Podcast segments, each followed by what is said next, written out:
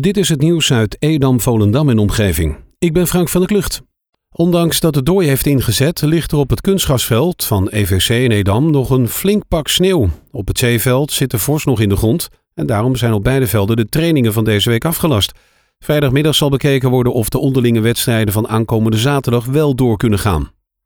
Het Dijklander ziekenhuis heeft door de schaatspret van afgelopen weekend en de gladheid gisterochtend een van de drukste periodes in de afgelopen tientallen jaren gehad. Op de afdeling Eerste Hulp in Horen en Purmerend kwamen honderden mensen binnen met botbreuken en ander letsel door het ijs. In totaal kwamen er afgelopen weekend 338 mensen met letsel binnen. Driekwart van hen was gewond geraakt bij schaatsgerelateerde ongelukken. Artsen in de twee ziekenhuizen behandelden voornamelijk mensen met polsbreuken. Het waren voornamelijk vijftigers en zestigers die met een gebroken pols of gebroken heup richting het ziekenhuis moesten. Het eerder afgelaste uitduel van FC Volendam tegen Almere City FC wordt ingehaald op woensdag 3 maart. De wedstrijd stond eerder gepland op vrijdag 12 februari, maar kon door het onbespeelbare veld in Almere geen doorgang vinden. Er wordt nu afgetrapt om kwart voor zeven. Team Sportservice Zaanstreek Waterland organiseert in de voorjaarsvakantie de bosspelen van Ilpendam. De jeugd van de gemeente Waterland kan hier allemaal aan deelnemen. Op woensdag 24 februari wordt om 10 uur in samenwerking met rugbyclub Waterland rugbyclinics gegeven en levend stratego gespeeld. Alle kinderen uit groepen 4 tot en met 8 zijn uitgenodigd. Ze verzamelen om 10 uur bij de Bromet Filmschool in Ilpendam. Om 12 uur zijn de activiteiten afgelopen.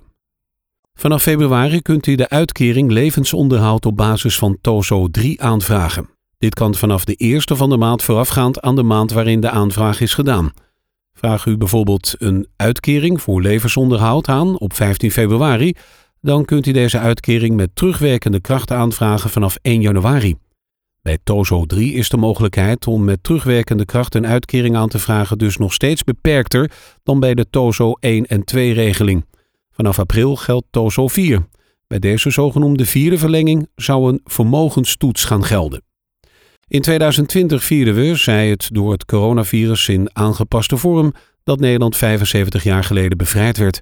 Ter nagedachtenis aan de landsmeerders die in het verzet actief waren of anderszins van betekenis waren ten tijde van de Tweede Wereldoorlog, heeft de gemeenteraad van Landsmeer in juli 2019 bij amendement aangegeven graag een plaquette te willen plaatsen bij het oorlogsmonument in Landsmeer. Na onderzoek is onlangs besloten geen plaquette met name van de oorlogsslachtoffers op het monument aan te brengen. Wel zal een monument opgeknapt worden, zodat deze in goede staat blijft. Het aantal gehuwde Noord-Hollanders is de laatste tien jaar flink afgenomen. Het kwam neer op 7% minder. Noord-Holland steekt daarmee behoorlijk af tegen de rest van Nederland. Van alle inwoners van deze provincie is in 2020 34% getrouwd, terwijl het landelijk gemiddelde ruim 38% is. In Edam-Volendam en Stedenbroek is het grootste aandeel van de bevolking getrouwd, 44,9%. Amsterdam telt relatief gezien de minst gehuwde. Minder dan een kwart van de Amsterdammers is getrouwd. Gemeente Landsmeer zal een nieuwe beleidsplan afval en grondstoffen opstellen. Het huidige afvalbeleidsplan van de gemeente loopt van 2016 tot 2020 en is daarmee ten einde gekomen. Daarnaast loopt de gemeente achter op de landelijke doelstellingen die de Rijksoverheid heeft vastgesteld met betrekking tot scheidingspercentages en het aantal kilogram restafval per inwoner. De hoeveelheid ingezameld restafval is momenteel nog te groot. Een andere reden om het beleid aan te passen is om het verwerken van restafval steeds duurder wordt en de last op het milieu groter. Gisteren hebben de gemeenten Purmerend en Beemster de logowijzer gelanceerd. Dat is een online kieswijzer waarmee inwoners van maandag 15 februari tot en met zondag 28 februari hun favoriete logo kunnen kiezen voor de nieuwe gemeente. Deze logowijzer is te vinden op logowijzer.nl. Onder de stemmers wordt 5 keer 100 euro shoptegoed van een lokale ondernemer verloot. Het winnende logo wordt eind maart bekendgemaakt. Tot zover het nieuws uit Edam, Volendam en omgeving.